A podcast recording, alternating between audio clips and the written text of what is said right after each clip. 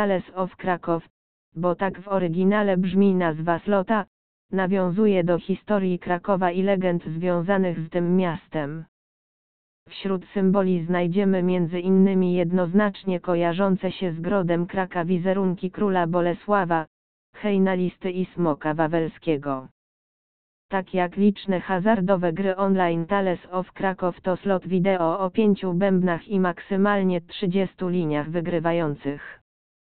Do dyspozycji mamy monety o nominałach od zerowego roku, 2001 do zerowego roku, 10.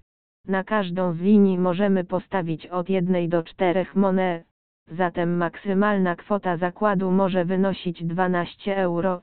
30 rok x4 monety o nominale zerowy rok, 10. Podobnie jak inne gry typu jednoręki bandyta, Tales of Krakow wykorzystuje w trakcie rozgrywki symbole wild i scatter. Wild, reprezentowany przez ikonę diabła, zastępuje wszystkie symbole z wyjątkiem scattera. Symbole wild tworzą najwyżej płatną kombinację, za trafienie pięciu takich ikon zostajemy nagrodzeni premią wysokości 7,5 tysięcznych monet. W Tales of Krakow Online symbol scatter funkcjonuje jako mnożnik kwoty zakładu. Na skatterce widnieje portret króla Bolesława. Uzyskanie kombinacji składającej się pięć takich symboli oznacza pomnożenie naszego zakładu przez 200.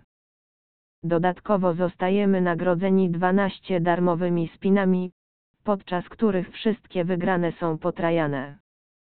Do smoka wawelskiego na trwałe przylgnęła etykieta czarnego charakteru, jednak w grze Tales of Krakow, zamiast przypiekać amatorów hazardu ogniem, obdarowuje ich rundami bonusowymi.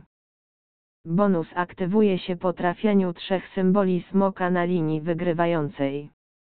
Podczas tej rundy zostajemy przeniesieni do jaskini bestii.